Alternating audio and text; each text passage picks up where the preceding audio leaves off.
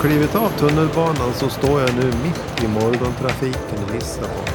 Och har väl ja, ungefär en kilometers promenad upp till en park och ett café där jag bestämt möte med Eva Östling.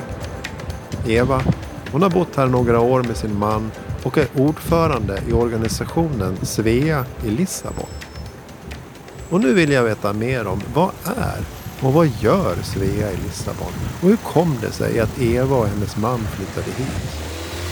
Och kanske har Eva också några erfarenheter att bjuda på eller tips på vad man ska se eller göra vid ett besök. Vi får se. Och det är något speciellt tycker jag att gå runt i en stad när staden vaknar. Luften den känns sådär fuktig och ren. Och det sopas och det spolas av runt alla uteserveringar och kaféer. Borden bär dukas och ja, det luktar kaffe. Man känner riktigt att dagen är full av möjligheter på något sätt. Nej, nu är det dags för mig att gå vidare till den här parken där jag bestämt träff med Eva om en liten stund. Och det är tur att jag är ute i god tid. För det verkar bara vara uppförsbacke dit. Ja, Lissabon det är verkligen kuperat. Ja, vi sitter ju här på ett café mitt i ja, rusningstrafiken, eller morgontrafiken Ja. kan man säga. Mm. Det, eh, när man bor här, hur upplever man trafiken? Alltså den är ju mycket. Den är mycket, den är bullrande, den är extremt livlig. Eh, Det tutas och det viftas. Vi brukar ju säga att alltså, portugiserna är ju fullständigt underbara människor. Vänliga, hjälpsamma, fantastiska. Så kommer det då till trafiken och där händer det någonting. Så de är ju helvilda. Eh, och det är alla möjliga tecken i bilarna och alltihopa. Så att, eh, mm. Men då ska man ju också, kan man ju gå tillbaks. Jag tror att förklaringen ligger mycket i att det här är ju en ganska ny demokrati. Eh, och att äga bil är ingen så att säga, gammal företeelse utan det här är en väldigt viktig förändring för många människor att ha en egen bil. Jag är så nyfiken. Vem är Eva Östling? Ja, eh, jag har bott här i Lissabon i snart fem år tillsammans med min man eh, Anders. Eh, och vi var två personer som hade bestämt oss för att lämna Sverige när vi kunde, när jag skulle pensionera mig. Och vi var på väg till Frankrike, tog en lång helg i Lissabon och föll pladask. Eh, Så då ändrade vi allt och så flyttade vi ganska omgående till Lissabon och det har vi aldrig ångrat. Vad var det som gjorde att det så, ja, ni gjorde om ett lappkast från Nice till Lissabon Mm. på kort tid? Ja, det var en sån här monumental eh, förälskelse. ja, alltså det var en, en, en lång helg eh, där vi föll pladask för denna stad. Alltså, människor är otroligt vänliga här nere. Vänliga, hjälpsamma, glada, positiva eh, människor. Eh, och det, det är väldigt enkelt att falla för portugiserna själva. Sen är ju Lissabon en ljuvlig stad. Kuperad med sina sju kullar och man går och man går och man går. Alltså, det här högklackat det har man lämnat i Sverige, det går inte att ha här. Utan man, det, är, det är sneakers man har på sig och så går man upp och ner. Det är charm, otrolig charm. Nytt och gammalt bryter varandra. Och sen är det ju det är många nationer eh, på plats, mycket fransmän, många, många andra kulturer också. Men det är många, alltså många ifrån de gamla kolonierna hittar du här.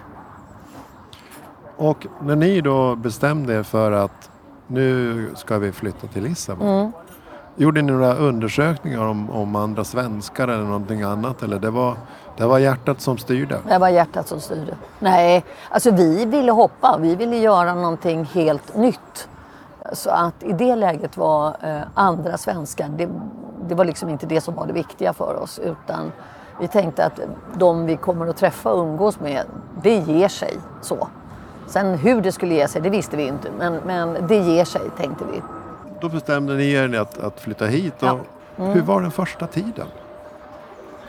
Alltså det första året, jag kommer ihåg att jag stod eh, med några eh, svenska medspelare, kvinnor, eh, på, på en golfklubb. och sa alltså, gud denna byråkrati. Och, och, då höll man, inte för att man ångrade sig, men det var bara hur ska man ta sig runt? Och då sa man till mig, och det är fortfarande ord som jag kommer ihåg. Låt det bara gå ett år så du har gått igenom hela året. Sen löser det sig. Och jag vill verkligen säga det, det, det ligger mycket i det liksom, att det här första året, för då är det massa saker som måste fixas. Eh, och då märker man hur, hur sekt systemet är. Men alla är ju vänliga. Så när man står där timme ut och timme in för att fixa eh, till exempel el. Eh, så när man kommer fram och man är som svensk, då lite, åh oh, gud vad lång tid det tar. Så är det, möter man en vänlig människa och då, ah, det lägger sig då. Och så eh, kom du in i, i den här organisationen Svea. Mm. Vad, vad är Svea? Ja, Svea är en internationell organisation för kvinnor, som är svenska kvinnor eller svensktalande kvinnor. Eh, som finns, eh, organisationen finns runt om i världen. Vi är eh, 6100 medlemmar. Eh, och eh, finns på, i sju olika regioner. Och vad vi gör är ju egentligen att eh, alltså, i mångt och mycket stötta när man kommer ut. Eh, men sen så byggs ju vänskapsband upp och alltihopa. Så det är ju, det är ju världsvid vänskap talar vi mycket om. Och sen så talar vi om den svenska kulturen och det svenska språket. Hur kom du i kontakt med Svea där du är engagerad idag? Hur mm. började det? Det började egentligen med golfen faktiskt. Jag ville gärna spela golf eh, och fick signaler om att eh, Svea hade golf. Eh, och, eh, det, var, bara mun till mun. Eh, sen eh, så började jag med golfen där och då fick jag alla de här, det här ehm, hur gör jag med det? Hur ska jag fixa det? Vad gör man där? Försäkringar, du vet allt mellan himmel och jord. Eh, och då hade jag ju träffat eh, ett par eh, svenskar eh, och de hade flyttat ner före oss och som hjälpte till och pekade åt vilket håll man skulle gå så att säga. Eh, så då blev det golfen som var det första. Sen spelade vi en golftävling och då är det en kvinna som satt i valberedningen och det, var, det här är ett halvår efter jag kom, kom hit. Eh, som sa, du, eh, skulle du kunna tänka dig att bli vice ordförande för att sen bli ordförande i Svea? Och eh, Ja, efter lite funderande och lite check och lite prat med de som fanns på positionen då så, så sa jag ja, det gör jag gärna. Och i, idag då finns det ett Svea i Lissabon och ett Svea i Algarve numera. Eh, tidigare, det är två år sedan, så eh, delade vi på oss. Vi var en förening, hette Svea Portugal innan. Eh, och nu eh, är det då Svea Lissabon som täcker Portugal så när som på Algarve som har en egen förening där nere. Eh, och det var en, vi var alldeles för stora. Vi var världens största eh, förening. Och det blev för stort helt enkelt. Det var svårroddat. Eh, och då så bestämde vi oss för att vi delar på dem. Och nu är vi ungefär 200 i, i Algarve och vi är 200 cirka här uppe så att, som är med. Så upptagningsområdet för Svea Lissabon, ja. hur långt sträcker det sig? Ja, det är i princip resten av Portugal. Eh, så. Sen är det ju så att de, våra medlemmar ligger runt omkring Lissabon på andra sidan av floden, den här sidan av floden och så täcker vi liksom på längsen. Och så gör ni massor med aktiviteter? Ja, många, många. Och allt är ju egentligen som jag eh, nämnde, just detta att, att stötta kvinnor. Alltså när man kommer så är man ju helt man har ju oftast inte några relationer eller så kanske man har någon enstaka. Och man vill ju naturligtvis komma in i samhället och man vill träffa andra. Eh, och då är det ju jätteviktigt att det, det, finns den här organisationen. Vi gör stordåd, vågar jag påstå, Svea, för att just hjälpa andra Svea att komma in. Men sen har Svea också en svensk organisation för när man eventuellt återvänder nu ska vi se, vi var inne på aktiviteter ja, Svea. Ja.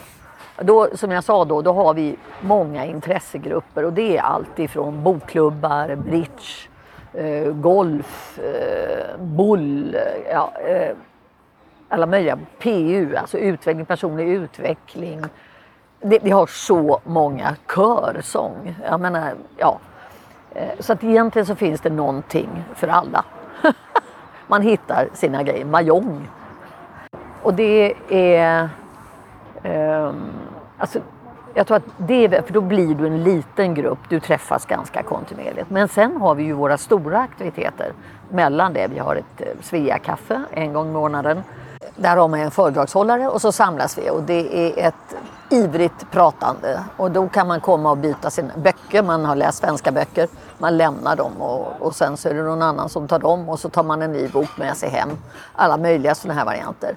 Och sen har vi kvällsaktiviteter. Eh, nu alldeles nyss så hade vi ett föredrag där våra män faktiskt fick vara med. Eh, och då var Anders Borg här nere eh, och talade. Eh, för ett halvår sedan hade vi Maud Olofsson Eh, vad vi gör då är att vi är ju en, en organisation som är frivillig. Eh, vi har bara medlemmarnas pengar. Vi kan alltså inte hålla på och betala massa resor och sådana här grejer. Men vi hugger dem via kontakter när de är på plats. Eh, och nu bara om en, en, en dryg vecka så ska Henrik Brandao Jönsson tala och han har ju skrivit en bok om eh, det portugisiska, eh, alla de sju olika kolonierna som han då har lagt in som de sju dödssynderna. Han ska komma och tala. Det ska bli jättekul att lyssna på honom också.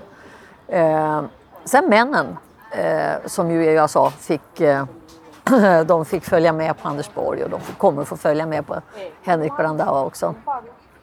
Eh, men grejen är ju den att någonstans har det blivit så att i och med att kvinnorna engagerar sig så får ju männen kontaktytor också.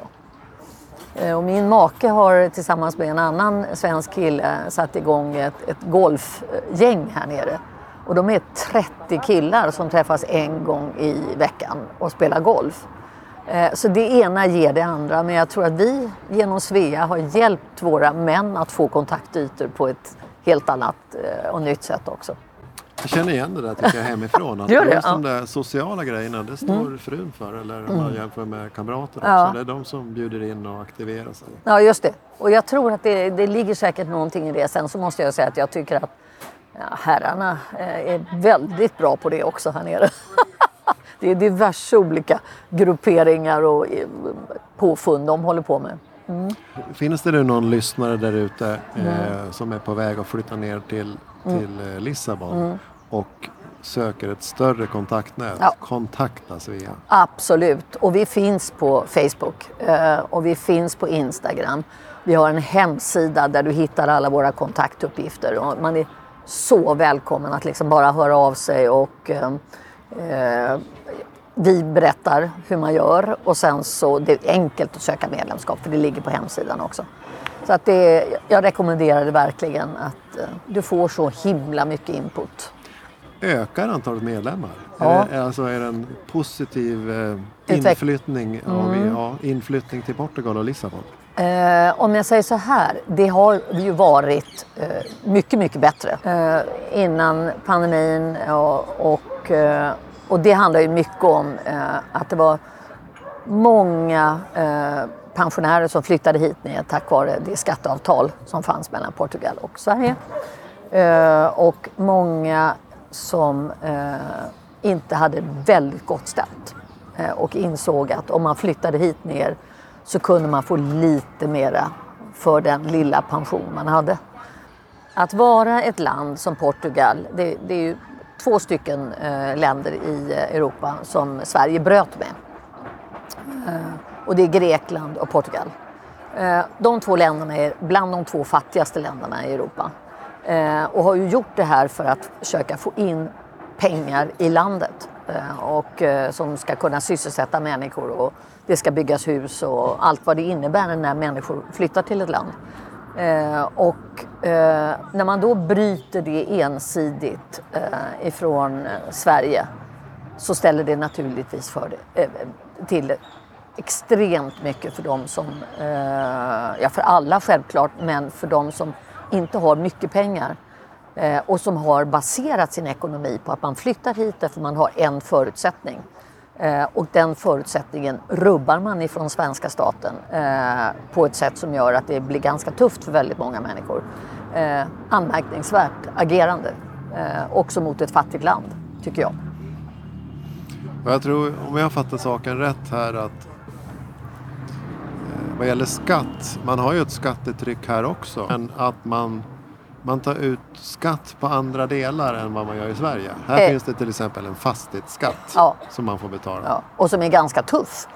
Eh, Det är ingen liten summa vi betalar här och, och, det är, och allting annat kostar ju självklart. Eh, Så att det, ju, det blir ju inte, bara för att vi inte betalar någonting eh, eller betalade någonting till Sverige så är det ju inte så att vi inte betalar för massa andra saker här nere som är extra kostnader som vi inte är vana vid. Eh, Ta bara sjukvård och alla de här grejerna.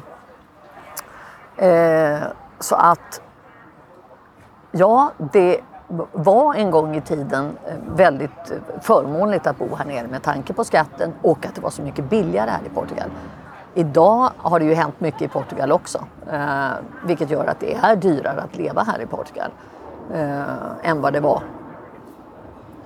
eh, tidigare. Så att det, det, eh, det är inte lika förmånligt och därför har ju trycket eh, på antalet personer, eller trycket ifrån svenskar att etablera sig här nere har ju minskat. När du nu har bott här i, i ja, ganska många år Eva, Mm. vad upplever du för likheter och skillnader mellan Sverige och Portugal? Det, det finns ju, återigen, jag, jag sa det tidigare just detta med att det är en ny demokrati.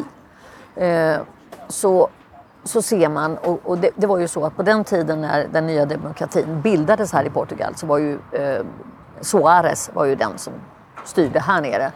Han hade mycket relationer med eh, Olof Palme.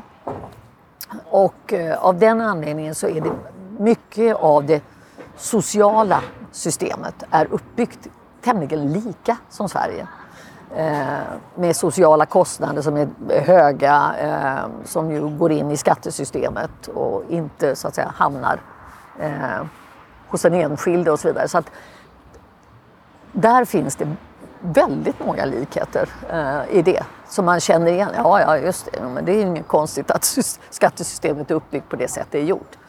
Eller det är. Eh, så där, där tycker jag man ser det. Eh, I övrigt, eh, den förändring som man har gått igenom själv är ju att, eh, eh det är nästan komiskt, i början när vi stod, det är ett köande land, folk köar.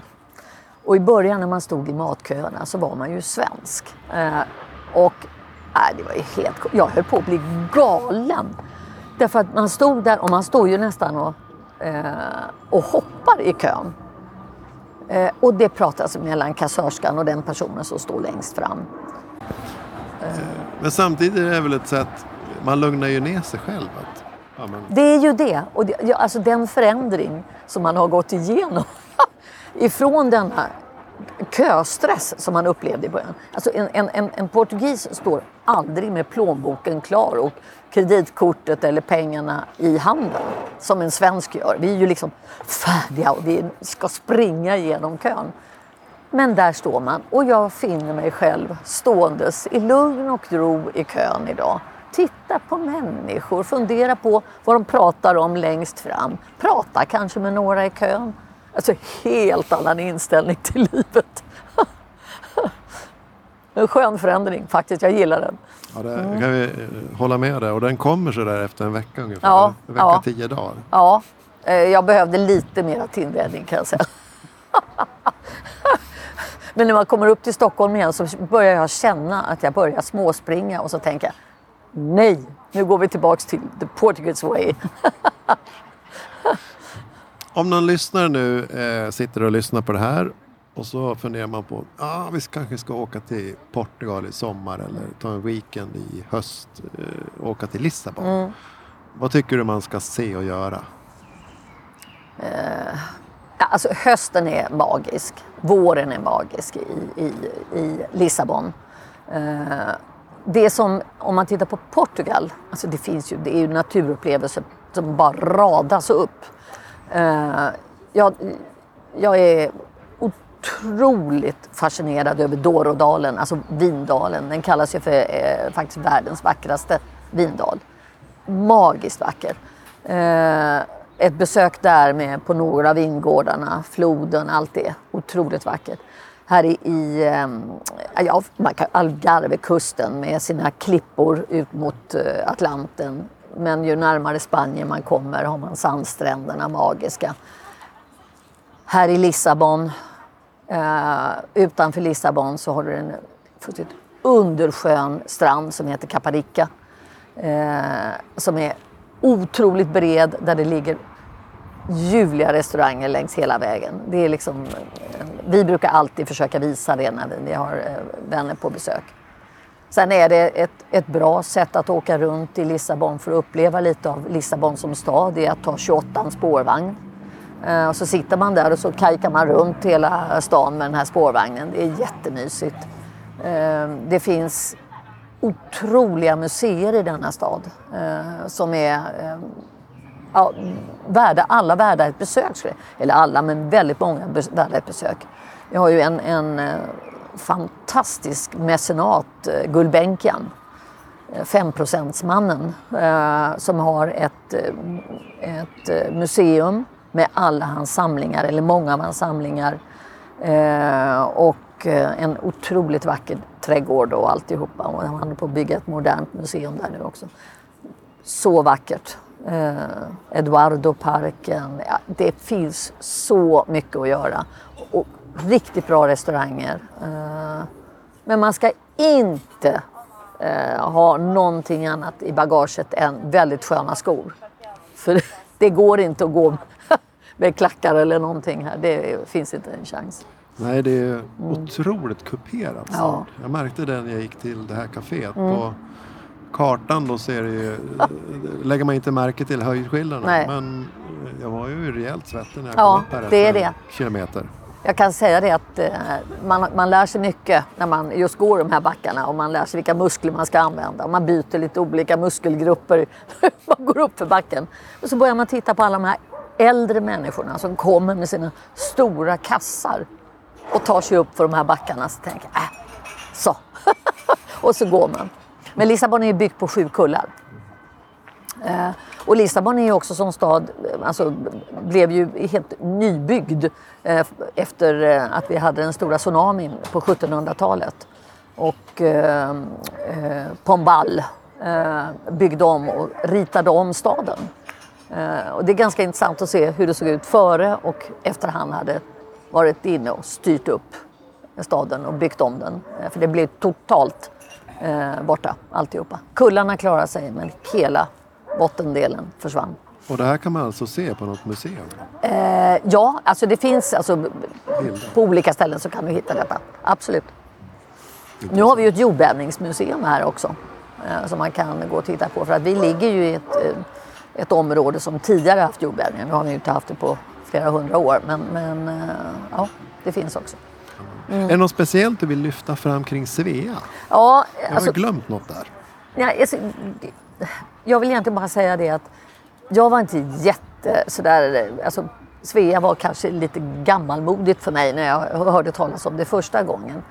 Men jag, jag tycker att det är en organisation eh, både på internationellt område om man ska flytta runt. Om man har barn som ska flytta runt så ger man barn eller barnbarn kontaktytor runt om i världen. Eh, det är en organisation som gör väldigt mycket. Vi samlade alldeles nyss in runt om i världen eh, pengar, en donation på över en miljon kronor till eh, en, ett beredskapslyftet som eh, finns för ukrainska kvinnor som har kommit till Sverige nu efter kriget. Så vi gör mycket både lokalt, här donerar vi pengar till SOS Barnbyar till exempel. Så det, det är många sådana aktiviteter också om man brinner för att faktiskt kunna hjälpa till i det land man har flyttat till. Eh, men sen är det just den här sociala kontakten. Man lär sig väldigt mycket om landet i och med att vi är ute och besöker mycket. Så att eh, kom hit, titta, eh, titta på Svea och känn efter. För det är faktiskt en väldigt, väldigt härlig och livaktig organisation. Det måste vara en otroligt eh, ska jag säga, säker och skön organisation att ta kontakt med när man ska flytta till ett ja. nytt land och eh, inte kanske känner någon. Ja, absolut, och vi var ju i den sitsen. Eh, och den, den kontaktytan man har idag är, det är ju nästan komiskt. Liksom. Man tänker, hur, hur, hur, hur blev det så? Men, men där är, jag måste verkligen säga, där är Svea varit fantastiskt. Det är ju det som satte igång alltihopa. Jättekul. Alltså jag har ingen mer fråga sådär. Utan jag tycker att vi har belyst de, de eh, intressanta områdena med Svea och vem du är och likheter, skillnader med Portugal. Mm. Vi har tagit om in lite på skatt. Det jag kan säga, som jag ju faktiskt vi inte har varit inne på, är ju språket. Det börjar vi med i Jo, kaffekön. vi gör, började med det i kaffekön, men vi kom inte till det här. Eh, och det kan man väl säga att det är underbart skönt att portugiserna är väldigt, väldigt duktiga eh, på engelska. Samtidigt som att väldigt mycket, du kan ju titta på amerikanska filmer, engelska filmer, alla möjliga därför att det är ju, man dubbar inte. Eh, Och det är ju en av anledningarna att det är så många som är så duktiga på, på, på engelska här. Eh, så att du kan gå och titta på bio. Det, det är ju hur enkelt som helst. Så att det, det, det är positivt. Eh, sen är vi ju... eh, Jag har ju bestämt mig för att någonstans så ska jag faktiskt ta tag i, eller kunna det här språket åtminstone hjälpligt. Eh, jag är inte där än. Men det, för det är ett väldigt svårt språk att tala och att förstå. Att, att läsa är en sak. Det är tämligen okej. Vad, vad tror du är tipsen där för att, att försöka ja, lyckas kanske och ta i Mm. men komma över kanten? Börja jobba. och det har, det har jag liksom inte tänkt, eh, tänkt att jag skulle göra men, men, men det är ju en, en, en otrolig förmån. eh, De som, som jobbar. Man hör ju det. Det är ju de unga som kommer hit, de lär ju sig mycket, mycket snabbare. Eh, Men det är bara gneta. Alltså ge inte upp. Jag, jag, har, jag har börjat, jag har slutat, jag har börjat, jag har slutat. Jag har kört tre veckors intensivkurs precis före pandemin kom. Jag tror vi slutade tre dagar innan och sen så stängdes hela Portugal. Det var ju sådär. Då tyckte jag att jag var på G faktiskt. Eh, men ta det successivt. Försök att ja, jobba med det varje dag. Det är egentligen det det handlar om. Och det är tid det handlar om. Alltså jag har ingen mer fråga sådär. Utan jag tycker att vi har belyst de, de eh, intressanta områdena med Svea och vem du är och likheter, skillnader med Portugal. Vi har tagit om in lite på skatt. Jag tycker för mig känns det bra. Det gör det för mig också. Och jag tycker det var jättekul att du hörde av dig, verkligen. Rolig idé det här med podden också. Eh, Väldigt bra. Och för de som ska flytta hit är det ju guld att kunna lyssna eh, på en sån här podd och få massa olika vinklingar. Stort tack Eva för din detsamma. Mm. tid. Det är ju underbart att sitta här under utflygande eller inflygande flygplan till den centrala flygplatsen. Ja, exakt. Verkligen. Det är Med fantastiskt. bilar i bakgrunden och lite fågelkvitter. Men nu har ju de mörka molnen försvunnit så det ser ut att bli en helt strålande dag. Det är precis så det är i Portugal. Så det är bara att åka hit. Ja, det är rätt. Det är rätt. Tack så mycket. Tack detsamma. Tack.